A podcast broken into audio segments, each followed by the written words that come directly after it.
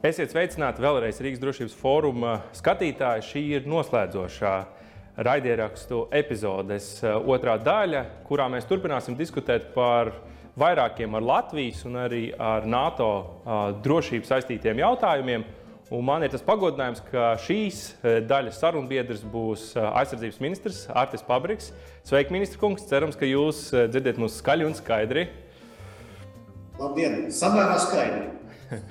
Prieks, ka spējāt pievienoties šajā tik intensīvajā un dažādiem izaicinājumiem pilnā, pilnā laikā. Mēs pirmajā daļā vairāk diskutējām par, par NATO, par transatlantisko attiecību izaicinājumiem. Ar jums es labprāt padiskutētu, pāanalizētu tos jautājumus, kas skar tieši Latvijas drošību. Un, līdz ar to es arī gribētu sākt pirmo jautājumu. Um, uzdodot to tā, cik droši, uh, cik drošā pasaulē, cik drošā reģionā mēs šobrīd dzīvojam, ņemot vērā uh, pirm, pirmkārt izaicinājumus, kas skar uh, mūsu un, un Baltkrievijas robežu. Uh, Polijas, Baltkrievijas, Polijas, uh, uh, Lietuvas, Baltkrievijas robežu, un otrs, ko mēs pēdējā laikā novērojam, arī informācija, tā skaitā arī publiskajā vidē, par pieaugušo Krievijas militāro aktivitāti Ukraiņas pierobežā. Uh, Proti, cik droši šobrīd Latvijas iedzīvotājs jūtas vai var justies? Nu, man gribētos teikt, ka e, Latvijas iedzīvotājs var justies pietiekami droši, jo Latvija, Latvijas valdība, Latvijas bruņotie spēki, aizsardzības ministrija nacionālajā līmenī ir izdarījusi, lai mums e, nebūtu nekāda liela pārsteiguma. Plus papildus tam, protams, ka mēs esam gan NATO alianses, kas ir stiprākā alianse pasaulē, dalība valsts, mēs esam Eiropas Savienības dalība valsts, un Ziemeļa Eiropa kopumā ir eh, viens no tādiem stabilākajiem un drošākajiem pasaules reģioniem. Tas viss ir pozitīvajā pusē. Kur nāk klāt zināmi riski, ir tas, ka mums kaimiņos, protams, ir viena no pasaules valstīm, kura grib mainīt esošo kārtību. Un tas, protams, rada zināmus papildus izaicinājumus, kas nebija varbūt tik aktuāli pirms desmit gadiem, bet sākoties nu, pirmām kārtām jau Grūzijas karam, bet sevišķi izteikti tas bija ar Krievijas uzbrukumu Ukrainai. Protams, ka šis kaimiņš ir palicis mums nedrošāks. Papildus tam pēdējais gads ir iezīmējis to, ka mēs vismaz no militārā viedokļa skatoties, bet es teiktu arī visādi citādi, esam eh, pasaulē zaudējuši, ja tā var teikt, vēl vienu neatkarīgu valsti, Baltkrieviju. Jo es uzskatu, ka nu, Baltkrieviju mēs varam skaitīt kā patiesībā tādu ļoti izteiktu jau Krievijas kontrolētu teritoriju, kas arī rada, protams, eh, papildus apdraudējums eh, visam Eiropas kontinentam. Un eh, tam pa virsmu, protams, nāk arī nu, šīs ziņas no Ukraiņas pierobežas, kur mēs redzam pirmo reizi vairākos gados tik liela militārā spēka klātbūtni, ko Krievija ir sakoncentrējusi. Un, protams, ja tik liels militārais spēks ir sakoncentrēts, tad mēs nevaram arī nu, izslēgt dažādu veidu provokācijas. Tā kā jā, no vienas puses mēs esam droši, No otras puses, eh, tas neļauj mums tomēr galīgi atslābt, un es domāju, ka sevišķi eh, diplomātiskajā plāksnē, starptautiskajās sarunās un, protams, savas gatavības veidošanā mums ir jāpieliek papildus punktus. Mm -hmm. Paldies! Eh, pēdējās dienās arī, ir arī diskusija par potenciālo 4. pānta iedarbināšanu kas eh, attiecīgi varētu izraisīt arī papildu eh, drošības veicinošos pasākumus eh, reģionā. To sakot, jautājums, cik daudz sabiedrotiem ir vienāda izpratne par to, par tiem drošības izaicinājumiem, ar ko mēs šobrīd saskaramies, un papildinošs jautājums, vai mēs varam sagaidīt kādu jaunu papildus veicinošos pasākumus Baltijas reģionā tuvākajā, tuvākajā laikā. Nu, ja mēs runājam par 4. pantu, tad viena no 4. panta teiksim, nozīmēm ir tā, ka mm, aicinot savus sabiedrotos uz 4. panta diskusiju, mums ir patiesībā jābūt samērā skaidram plānam, ko tad mēs vēlamies no saviem sabiedrotajiem saņemt. Latvijai, Lietuvai, Polijai kuras varētu būt teorētiski šāda mm, panta sarunu iniciatoras, šāds plāns pēc būtības ir. Mēs pašlaik esam vienojušies, ka, ja gadījumā drošības situācija mūsu reģionā pasliktinās, tad mēs esam gatavi aicināt uz šo 4. pānta diskusiju. Bet vienlaikus mēs arī esam vienojušies, ka līdz šim mēs uzskatām, ka tā drošības situācija vēl to nepieprasa iedarbināt 4. pāntu.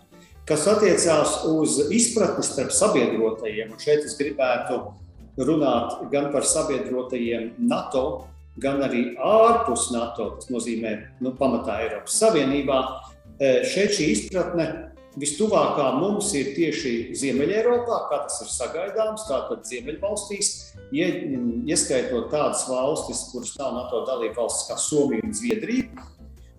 Es domāju, ka mums ir arī ļoti laba izpratne par drošības izaicinājumiem Lielbritānijā, Norvēģijā, Dānijā. Nu, kas attiecās uz valstīm, kas ir tālāk, protams, ka šeit ir nu, nedaudz cita veida izpratne, bet vienlaikus man jāatcaucās uz manu neseno, pirms divām nedēļām apmēram, tikšanos ar Eiropas Savienības dalību valstu ministriem. Šeit, protams, praktiski nebija neviena valsts, kura nesāktu savu sarunu ar solidaritātes izteikšanu Polijai, Lietuvai un Latvijai. Nu, kas nozīmē, ka nu, mēs esam gana daudz enerģijas patērējuši, lai šo kopīgo viedokli veidotu. Es domāju, ka ja mēs aicināsim uz 4. pantu kādreiz, un es ceru, ka nevajadzēs to darīt, tad uh, izpratnē vajadzētu būt uh, visaptvarošai. Paldies, Mīsīs kungs. Turpinot šo pašu diskusiju par, par solidaritāti un izpratni. Uh, pēc 2014. gada, kad uh, Velsas un, un uh, attiecīgi arī Varšavas samitos uh, valstu un valdību vadītāji pieņēma vairākus drošību veicinošos pasākumus, tā skaitā arī papildspēkus Baltijas valstīs. Daudz vietu rietumu ekspertu skatījumā un arī politiķu publiskajā vēstījumā tika pausts, ka zināmā mērā Baltijas valstis ir pabeigts bizness, ja? ka, ka šeit ir uh, īstenots viss, lai atturētu potenciālo pretinieku. Tajā pašā laikā mēs redzam, ka ir vairāk izaicinājumi. Uh, viens ir uh, droši veicinošie pasākumi sauszemes, bet ir izaicinājumi gaisā un jūrā. Uh, ilgtermiņā raugoties, uh, kas ir tie iztrūkumi, ko mums primāri būtu nepieciešams attīstīt, pilnveidot, kur arī NATO iesaistē vajadzētu būt jūsuprāt? Nu, vispirms, es domāju, ka tas ir ļoti pārdroši teikt no jebkura eksperta puses, ka tagad mēs esam piedāvājuši šo palīdzību Baltijas valstīm un Polijai pēc iebrukuma, Krievijas iebrukuma Ukrainā, ka nu, tagad šis bizness ir pabeigts. Kā mēs zinām no senām latviešu teikām, Rīga nekad nav gatava. Tāpat arī, protams, drošības jautājumi arī nekad nav pilnībā atrisināti. Un mums ir jāatcerās, ka mūsu potenciālie oponenti, sevišķi tie, vai tās aprindas Krievijā, kuras cenšas izaicināt, kuras cenšas izaicināt um, esošo status quo, esošo situāciju. Eh, viņas, protams, arī nesnauž, un viņas strādā pie savas gatavības, pie savas kaujas spēju palielināšanas, pie savu uh, ambīciju sagatavošanas un nostiprināšanas. Līdz ar to tie izaicinājumi, salīdzinot ar to laiku, pirms gadiem, septiņiem, astoņiem, jau ir mainījušies. Un eh, jūs pareizi norādījāt, ka mums šeit viena no lielākajām tādām varbūt prioritātēm pašlaik ir eh, bez sauszemes spēku stiprināšanas mūsu gaisa un jūras aizsardzības eh, pilnveidošana, kas nozīmē, ka mums ir vajadzīgas šīs te, nu, vismaz vidējā rādījuma pretgaisa aizsardzības raķetes. Ideāli, protams, būtu, ja mums Baltijas reģionā būtu izvietotas patriotu sistēmas, Mums ir vajadzīgas savas dronu sistēmas, līdzīgas kā tas ir um, Turcijas industrijas ražojumi vai Amerikas industrijas ražojumi. Mums ir vajadzīga arī sava veida labāka artērija, kas sniedz tālāk, lai mēs varam visu Latvijas teritoriju noklāt no praktiski jebkuras vietas, ja tas nepieciešams. Un, protams, arī jūras aizsardzība, jo mēs zinām, ka mm, potenciālie mūsu zemes kārotāji, viņi, protams, arī veids dažādu veidu treniņus, kas ir saistīti ar jūras desantu izsēdināšanu. Līdz ar to mums jābūt gataviem viņiem eh, sniegt eh, attiecīgo atbalstu pēdiņās, lai šāda veida desanti mūsu smilšainajās pludmalēs neparādītos. Un vai tas tiek plānots un, un jau īstenots? Atbildes jūrā un gaisā ir praktiskas darbības tam? Plāni mums jau ir patiesībā sen gatavi. Pašlaik notiek sarunas nu, pirmkārt ar dažād, dažiem mūsu sabiedrotiem par to, kur mēs varētu šāda veida atbalstu iegūt, kādā veidā, vai tas būtu kāds mūsu pašu iepirkums, vai arī tas būtu kādas sabiedroto valsts um, spēku papildus dislokācija pie mums. Ir dažādi varianti, bet ir pilnīgi skaidrs, ka ilgtermiņā, protams, šī pretgaisa aizsardzība un jūras aizsardzība būtu jānodrošina mums pašiem, bet tas atturās ne tikai pie plānošanas, jo plānošana jau viss ir kārtībā. Tas atturās, protams, arī pie budžeta un pie iepirkumu um, ilglaicības, jo ir vajadzīga nauda, eh, kas nav maz šāda veida sistēmām, ir vajadzīga apmācība. Un uh, tas iegādes process arī aizņem zināmu laiku. Līdz ar to es domāju, ka pareizais veids, protams, būtu, ja situācija uh, neuzlabojās, tad mums vajadzētu nekavējoties iegūt šeit kaut kādu sabiedroto klātbūtni šādā veidā. Un, uh, pa to laiku sagatavot pašiem savas iespējas šādas sistēmas iepirkt, apkalpot un uzstādīt. Mm -hmm. Paldies eh, par eh, sabiedroto spēku klātbūtni, eh, kas šobrīd ir un jau ir vairākus gadus. Latvija ir viena no tām valstīm, kurā ir visvairāk nācijas pārstāvētas, daudz nacionāla vienība, kas ir, protams, iegūms, bet arī zinām izaicinājumi. Šajā kontekstā, cik šī vienība jau šobrīd ir integrēta kopā ar Nacionālajiem bruņotajiem spēkiem? un pakārtoti tam, cik šīs sabiedroto spēku iesaistē nu, varētu būt realizēta nu, līdzīgos hibrīda kara apstākļos, kā mēs šobrīd piedzīvojam attiecībā uz Baltkrievijas robežu. Nu, man ir jāsaka, ka man šķiet, jau, protams, ka mūsu daudznacionālie spēki, kas atrodas Latvijā, ir teiksim, tā, vislabāk integrētie mūsu bruņotajos spēkos salīdzinot ar kaimiņu valstīm. Un kā man ziņo arī komandējošais sastāvs Latvijas armijā, šī integrācija ir 100% pilnīga. Nu, kas nozīmē, ka mēs jebkura potenciālā konflikta vai krīzes apstākļos varam šos spēkus uzskatīt par Latvijas Nacionālo bruņoto spēku sastāvdaļu. Viņi spēj koordinēt strādāt, un tas ir viņu galvenais uzdevums Katrai rotācijai iziet šo certifikāciju, lai viņi tādi būtu. Un man šeit ir jāizsaka ļoti liela pateicība, protams, mūsu vadošai nācijai, Kanādai, jo šī sadarbība ar, ar kanādiešiem šajā aspektā ir izcila. Protams, arī pārējās nācijas dod ļoti lielu devumu, un mums, protams, ir svarīgi saglabāt un uzturēt labas politiskās attiecības un izpratni arī politiskajā līmenī visās pārstāvētajās nācijās, lai gadījumā, ja mēs nonākam līdz kaut kādam hipotētiskam konfliktam. Nu, ja drīkst izmantot vienkāršu valodu, nevienā no šīm valstīm nebūtu žagošanās. Lai viss notiktu ļoti teikt, skaidri, saprotami un bez jebkādiem e, politiskiem, e, politisks aizturs. Kas attiecās uz hibrīdu uzbrukumiem, es domāju, ka pašlaik mums nav nekāda nepieciešamība mūsu sabiedrotos šeit iesaistīt. Um, viņi var nodarboties ar saviem ikdienas treniņiem. Uh, Pašlaik izskatās, ka Latvijas robežsardze ar Latvijas armijas atbalstu tiek ar saviem uzdevumiem pati galā. Mm -hmm. Viens no jautājumiem, ko jūs arī akcentējāt bijušā ASV prezidenta kontekstā, proti, lēmuma kontekstā izvākt spēkus no Centrāla Eiropas, no Vācijas. Aicinājums izskanēja no Latvijas politiķiem, tā skaitā arī no jums, ka mēs esam gatavi uzņemt ASV un ka ASV ir nenoliedzami nu, spēlētājs, kas, kas ietekmē kopējo kalkulāciju, militāro kalkulāciju.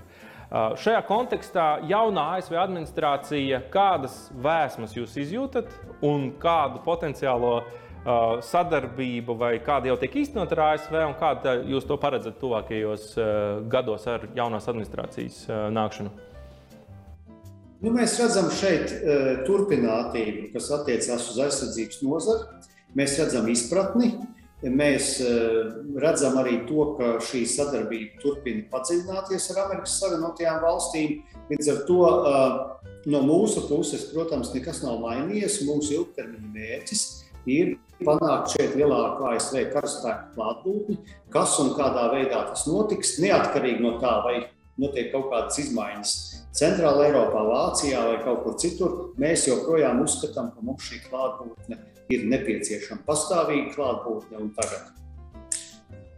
Mēs to varētu sagaidīt vienā vai otrā izpausmē, tuvāko vidējā termiņā. Nu, nu, es domāju, ka jā, bet, protams, es nevaru apsolīt, kad un kādā veidā. Mēs pie tā pastāvīgi strādājam. Tas ir viens no pamatu uzdevumiem visai mūsu diplomātijai starptautiskajām sarunām. Mm -hmm. Par šiem vispār spēkiem kopumā, vai Latvijas ambīcija ir tos eh, kaut kādā veidā palielināt, eh, vai mēs esam ieinteresēti vēl papildus eh, spēkiem, kas būtu šeit ilgtermiņā izvietoti? Vai jūs domājat par IFP grupu vai jā, vispār? Jā. Es domāju, ka IFP grupa ir pamatā pilnīga. Ja mēs runājam par sauszemes spēkiem, mēs, protams, neiebilstu, ja šeit papildus varbūt būtu kaut kas, kas ir saistīts ar pretgaisa aizsardzību ar dronu sistēmām un kaut ko tamlīdzīgu, kas nozīmētu papildināt tieši šo sektoru. Kas attiecās uz sauszemes spēkiem, ja eh, kāda valsts vēl papildus kaut ko sūtīs, mēs, protams, pieņemsim. Mēs būsim par to priecīgi, bet kopumā ņemot, ka, teikt, tā, ka šis te, mm, šī te sadaļa ir eh, gana, eh, gana nostiprināta. Mm -hmm. Nedaudz pieskārāmies arī mūsu kaimiņam un izaicinājumiem, kas ar to saistās, vai radīt izaicinājumu, ko tas rada. Proti par Krieviju. Kā mēs, Latvijas drošības nu, veidotāji, kā, kā projicē, kā Krievija attīstīsies turpmākajā desmitgadē un kas būs tie lielākie izaicinājumi aliansē kopumā un arī Latvijai kā, kā, kā nācijai? Es domāju, ka es šeit redzu kaut kādus divus tādus savstarpēji papildinošus scenārijus, kas varētu radīt lielāku apdraudējumu mums. Viens tas ir tālākā pašas Eiropas Savienības vai Eiropas valstu teiksim, politiskā sašķeltība vai fragmentācija, pie kuras mūsu oponenti ļoti strādā, vai nu caur šo hibrīdu migrācijas krīzi, vai caur kādiem citiem veidiem politiski Eh, dažādi ietekmējot un mēģinot eh, valstu viedokļus sašķelt.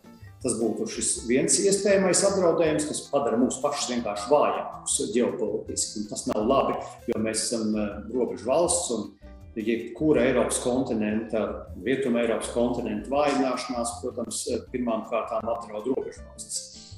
Eh, otrs apdraudējums nāk no pašas Krievijas iekšienes, jo viens mēs zinām, protams, šīs Krievijas starptautiskās ambīcijas, tas nav nekas jauns, bet mēs nevaram izslēgt, ka pašā Krievijā eh, rodas eh, zināmi nestabilitātes iedīgi, kā tas laiku pa laikam Krievijas, lielās Krievijas vēsturē ir bijuši, jo Krievijā jau valdības parasti mainās vai no apvērsuma vai revolūcija ceļā, kā es varētu teikt.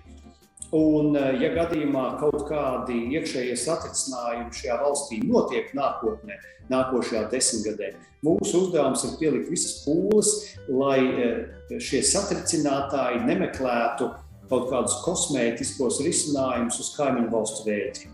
Mums ir skaidri un gaiši jāpasaka, ka tas viņiem nepalīdzēs, ka mēs eh, esam stingri spējīgi aizsargāt savu drošību, savu robežu, savu aliansi, un lai viņi teiksim, paši tiek ar savām problēmām galā, e, tādējādi neskarot e, kaimiņu intereses. Es teiktu, ka šie ir galvenie mm, apdraudējumi. Protams, ka no tādiem taktiskiem apdraudējumiem es šeit redzētu Eh, vienu variantu, kur situācija sāsnās klusajā okeānā starp tādām valstīm kā mūsu sabiedrotajiem ASV un Ķīnu. Un to, piemēram, nu, Krievija varētu izmantot, lai kaut kādā veidā destabilizētu situāciju savā pierobežā. Pirmkārt, skatoties vai nu uz Ukrajinu, Baltkrieviju, Kaukāzes reģionu, bet, protams, nevar izslēgt arī tādas valstis kā Somija, Baltijas valsts, Polija. Uh, Ministrs, kas ir mūsu atturēšanas uh, iepratim Krievijai stūrakmens? Kas ir tas, kas turpmāk uh, atturēs Krieviju no jebkāda veida darbības pret NATO?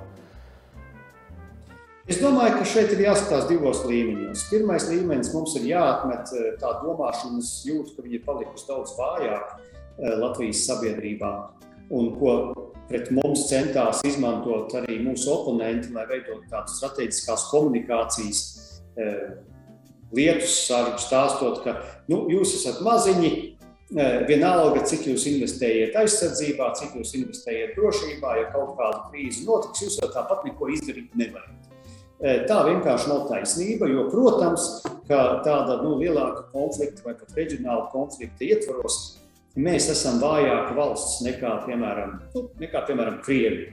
Bet vienlaikus mums ir jāatcerās gan Ziemas kara pieredze starp Somiju un Krieviju, kur uzbrucējs tomēr nesasniedz tos mērķus, kurus vēlējās pret mazo Somiju. Un jāatcerās, ka sabiedrības konsolidācija, sabiedrības gatavība dažādiem konfliktiem, sabiedrības gatavība stāvēt un, un aizsargāt savu valsti ir ļoti nozīmīgs atturēšanas elements. Tas nozīmē, ja, ja potenciālais agresors redz, ka šī valsts ir vienota, ka viņi ir investējuši savā drošībā un aizsardzībā un ir gatava karot, ja tas ir nepieciešams, tad, protams, viņa trīsreiz nomērīs, pirms mēģinās kaut ko sākt. Otrs tāds globālais atturēšanas elements, nu, es gribētu teikt, ka tas ir samērā līdzīgs, kā tas bija augstā kara apstākļos. Ja, piemēram, tāda valsts kā Krievija gribētu uzsākt šādu veidu konfliktu un viņa zinātu, ka tas izvērtīsies par trešo pasaules karu, no kuras Krievija, protams, kā uzvarētāji nevar iznākt, un tas būtu visu pasauli un ekosistēmu apdraudošs un tā tālāk, tad, protams, ka Krievijā arī pie varas jau nav muļķi. Viņi saprot, ka tas neatmaksājās, un šīs atturēšanas elements ir jātur gan stiprs no alianses puses. Un tādēļ ir svarīgi, lai šī alianse būtu vienota, lai viņa nebūtu fragmentēta, un lai abos līmeņos mēs varētu sniegt uh, atbilstošu atbildi. Proti, gan nacionālā līmenī, kur mums ir nopietni jāstrādā, gan arī uh, attiecībās starp NATO un Eiropas Savienību no vienas puses un Krieviju un tādām valstīm arī kā Ķīna no otras puses. Noturība, spēja vai vēlme aizsargāt valsti kā daļu no atturēšanas. Šajā kontekstā tā ir interesanta, interesanta diskusija. Šajā kontekstā jūsuprāt, iespējams, ir arī ir, ir veiktas aptaujas un pētījumi, cik liela ir sabiedrības vēlme aizsargāt savu valsti, cik, cik liela vēlme ir iesaistīties un, un uh, x stundā D dienā uh, aizsargāt uh, praktiski uh, savu teritoriju, savu valsti? Nu, mēs veicam socioloģiju praktiski katru gadu. Un, uh, es gribētu teikt, ka šī um, sabiedrības vēlme aizstāvēt valsti, aizstāvēt savus tuviniekus, aizstāvēt mūsu vērtības, viņi ir nemainīga un pietiekami augsta praktiski visos sabiedrības slāņos. Līdz ar to eh, mums Latvijā ir īstenībā vairāk patriotu nekā dažs domā. Un to mēs redzējām arī pēc 2014. gada, kad ļoti daudz cilvēku iesaistījās zemesardzē. Un es domāju, ka strādājot sistemātiski pie šīm lietām, strādājot ar sabiedrības skaidrojumu, piemēram, arī caur visaptvarošās aizsardzības sistēmas ieviešanu, ko mēs darām caur valsts aizsardzības mācības ieviešanu skolās, mēs eh, šo domu tikai nostiprinām. Jo ir pilnīgi skaidrs, nu, tas, eh, tas teiciens, ka, ja tu negribi barot savu armiju, tad tev būs jābaro kāda cita armija. Mums šeit svešinieks nevajag. Mums ir gana ilga pieredze, esot zem svešām varām. Līdz ar to es domāju, ka mums būtu jābūt pēdējiem, kas eh, kaut ko tādu vēlētos. Tā kā es esmu eh, gana optimistisks par to, ka mūsu sabiedrība ir gatava iestāties par savām interesēm, ja nu gadījumā tāda situācija rastos. Mm -hmm. Vēl viens eh, izaicinājums, par ko arvien vairāk un vairāk runā, ir sevišķi NATO kontekstā, par ko arī ģenerālsekretārs ir paudis un, un arī, arī akcentējis, proti, jūs pieminētā Ķīnas Tautas Republika. Kā mēs no drošības aizsardzības perspektīvas skatāmies uz Ķīnas Tautas Republiku, uz radītiem izaicinājumiem, vai kādus izaicinājumus tā rada? Un, eh, un pakārtot šim, vai nav pamatota bažas, ka fokus no Krievijas radītiem izaicinājumiem varētu pāriet uz Ķīnas Tautas Republikas radītiem izaicinājumiem? Nu, protams, ka mēs esam nobažījušies par eh, Ķīnas pozīciju pasaulē, jo mēs arī šeit tomēr novērojam, neatkarīgi no tā, ko pati Ķīna saka, eh, ka šīs ambīcijas pieaug. Un, protams, ka pieaug arī Ķīnas ekonomiskā un militārā vara. Un, uh, esot eh, šeit, Eiropā, esot robežvalsts ar Krieviju, um, mums jau nav patiesībā pat uh, citas izvēles un citas domas, jo mēs esam Eiropieši, un Eiropieši ir vienotā aliansē ar Amerikas Savienotajām valstīm. Līdz ar to uh, mūsu pozīcija ir vēsturiski, kultūrāli un geogrāfiski noteikta. Mēs esam šajā kopīgajā aliansē. Tas nozīmē, ka mm, tas nav tik daudz varbūt, jautājums tikai Latvijai, tas ir jautājums Eiropai, jo šeit mēs zinām, ka Eiropā ir atsevišķi politiķi vai kaut kādas arī nu, domnīcas izteikušies, ka ja būtu šeit kaut kāds eh, potenciālais konflikts starp Amerikas Savienotajām valstīm un Ķīnu, tad Eiropa šeit varētu kā, varbūt tās saglabāt kaut kādu zināmu neutralitāti vai kur. Es domāju, ka tā ir pilnīga allošanās. Mēs piedaram vienai sistēmai, vienai vēsturei, vienai kultūrai. Mēs nevēlamies sliktas attiecības ar Ķīnu. Mēs vēlamies mm, sadarboties eh, un tā tālāk, un tā joprojām kā kontinents. Bet, eh, ja gadījumā šeit tiešām nu, ir tādi globāli un militāri izaicinājumi, tad eh, Eiropai jau izvēles iespējas nav. Eiropa ir un viņai ir jābūt kopā ar Amerikas Savienotajām valstīm. Protams, ka šeit mēs novērojam arī citu lietu. Mēs redzam, ka Eh, tīri tāds nu, eh, no interešu viedokļa. Eh, Krievija izrāda ļoti lielu vēlmi būt Ķīnas sabiedrotā. Nu, tāds Ķīnas mazais brālis, jo lielais brālis jau tur nevar būt. Krievija ir vienkārši nu, daudz mazāka un vājāka nekā Ķīna. Un, ja gadījumā tā situācija Klusajā okeānā vai Amerikas Savienoto Valstu un Eiropas attiecībās um, ar Ķīnu uh, pasliktinās, tad mēs nevaram izslēgt, ka Krievija to līdzīgi varētu izmantot. Nu, kā piemēram, 91. Um, gadā, tad, kad sākās Irākas karš, tad mēs redzējām šīs uh, represijas pret baltiešiem janvārī. Tāpat mēs atceramies, ka Baltijas valsts jau patiesībā tika okupētas tajā pašā dienā, kad nacistu armija iegāja Parīzē 17. jūnijā, Parīzē 17. jūnijā Rīga, nacisti, komunisti. Līdz ar to um, Krievijai šāda tipa tendences ir, un to mēs arī nevaram izslēgt. Un, protams, ka mums ir jāstrādā tāpēc pie šīs alianses, NATO alianses nostiprināšanas, jo tas var radīt situāciju, eh, kur mums nākotnē būtu jāatbild vienlaikus ar diviem izaicinājumiem. Krievijas izaicinājums Eiropā un Ķīnas izaicinājums Klusajā okeānā. Un cik NATO kā alianse ir spējīga stāties pretim izaicinājumiem divos eh, strateģiskos virzienos?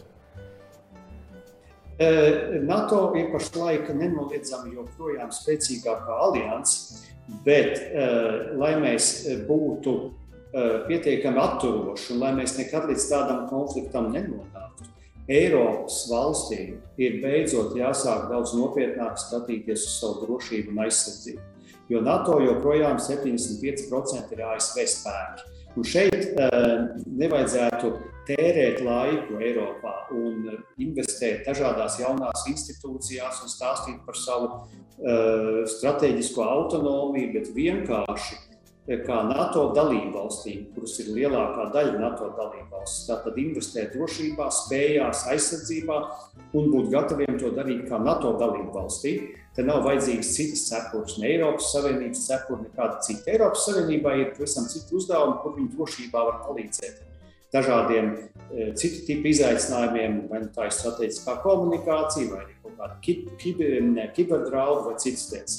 Tālāk mums ir jānostiprina, protams, mūsu arī tehniskā un militārā sadarbība ar Eiropas valstīm, kuras nav NATO dalība valstis, tādas kā piemēram Somija un Zviedrija. Un, protams, ka mums ir gan kā aliansē, gan kā dalību valstī jānostiprina savu sadarbību ar līdzīgi domājošām eh, klusā okeāna valstīm, kā piemēram Austrālija, Singapūra, Dienvidkoreja, Japāna, Filipīnas. Jo tās ir valstis, un ne tikai es nenosaucu varbūt visas, bet tās ir valstis, kuras, nu, kurām ir līdzīgas intereses, es domāju, uh, skatoties tālākā nākotnē. Mhm. Jūs pieminējāt Eiropas strateģisko autonomiju, par ko es arī gribēju vienā, vienā jautājumā jums uzdot. Kā mēs eh, redzam Eiropas strateģiskās autonomijas attīstību? Jo tie spēki, tie virzītāji spēki, kas, eh, kas ir it sevišķi Francija un tās prezidents, eh, turpina šo uzstāt, turpina likt dienas kārtībā. Mēs redzam, ka Eiropas strateģiskās autonomijas vai virzība uz, uz autonomiju būs klātesoša. Kāda ir Latvijas pozīcija un tieši tā, kā mēs redzam šo nu, sadalījumu starp NATO un Eiropas Savienību. Nu, mēs Baltijas reģionā šim konceptam neesam atbalstītāji. To es arī paudu pirms vairākām nedēļām Briselē, Eiropas ministru sajietā. Jo šis koncepts ir diezgan neskaidrs. Cilvēki viņu saprot dažādi, eksperti viņu saprot dažādi, skaidrs definīcijas nav. Un, kā jau es teicu, mums vajag mazāk veltīt pūles par to, lai stāstītu, kāda mums ir Eiropa, bet vienkārši vajag strādāt. Vajag darīt, vajag veicināt savas spējas, un šeit daudzām valstīm ir ko darīt. Jo nu, sevišķi pēc eh, Lielbritānijas aiziešanas no Eiropas Savienības mums jau tās militārās spējas Eiropas Savienībā nu, nav starp dalību valstīm tādas, kā mēs vēlētos. Un šeit es, protams, eh, pirmām kārtām gribētu redzēt eh, pozīcijas maiņu Vācijā, jo Vācija tomēr ir lielākā Eiropas valsts, Vācijai ir liela industriālā kapacitāte, bet Vācijas problēma, manuprāt, ir tā, ka Vācijas sabiedrība nav psiholoģiski, mentāli sagatavota tam, ka Vācijai vajadzētu attīstīt nopietni savus bruņotos spēkus un būt gatavai iesaistīties arī, ja nepieciešams, militārā konfliktā. To Vācijai pēc otrā pasaules kara, protams, ir iedzinuši uzvarētāji un sabiedrotie, ir izaugušas vairākas paudzes, kas tā domā, bet pašlaik šāda veida domāšana vairs nav atbilstoša. To mēs redzējām arī pēdējās uh, vācu Bundestāga vēlēšanās, kur mēs varējām analizēt tieši atsevišķu partiju attieksmi pret, eh, pret eh, drošības situāciju, pret Bundesvēru, pret bruņošanos, pret, pret militāro industriju. Nu, šeit joprojām ļoti daudz dominē tādas pacifistiskas domas. Un mēs zinām, ka tad, kad dominē pacifistiskas domas, tad tad tā reālā drošība, lai tie pacifisti varētu savas domas paust, ir jāizņemas kādam citam. Un līdz ar to šeit Vācija uh, nav, teiksim tā, Vācijas devums drošībā, cietajā drošībā, spējās ir daudz, daudz zem viņas pašas spējām un zem tā, ko sabiedrotie no Vācijas sagaida. Bet, protams, ka Vācija šeit nav vienīgā valsts. Un, protams, ka šeit ir jābūt arī skaidrai tādai politiskai vēlmei visām Eiropas valstīm šos draudus redzēt, nevis gaidīt, kad ūdens smeļas mutē un tad mēģināt stāstīt, ka mēs šeit vēlamies kādu dialogu. Dialogs, protams, ir laba lieta un ir jārunā ar visiem, bet es nedomāju, ka, piemēram, ar dialogu vien mēs te daudz varam panākt pret uh, autoritārām varām, kuras, uh, kuras skaidri zina, ko viņas vēlas. Viņas vēlas mainīt esošo sistēmu. Un ar to vien stāstot, ka tev ir jābūt labam, jo tas ir labi, nezinu, mēs kādu varam pārliecināt. Mm. Paldies, ministrs. Pēdējais eh, jautājums. Eh, rītdien, 30. novembrī, notiekošajā NATO ārlietu ministru sanāksmē Rīgā eh, tiks tā skaitā dots uzdevums par jaunu strateģiskās koncepcijas izstrādi.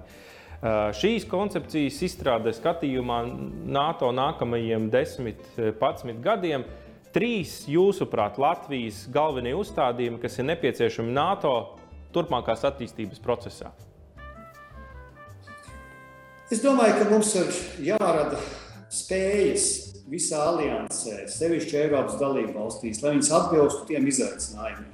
Tas nozīmē reāls militārās spējas katrai dalībvalstī, sevišķi Eiropas kontinentā.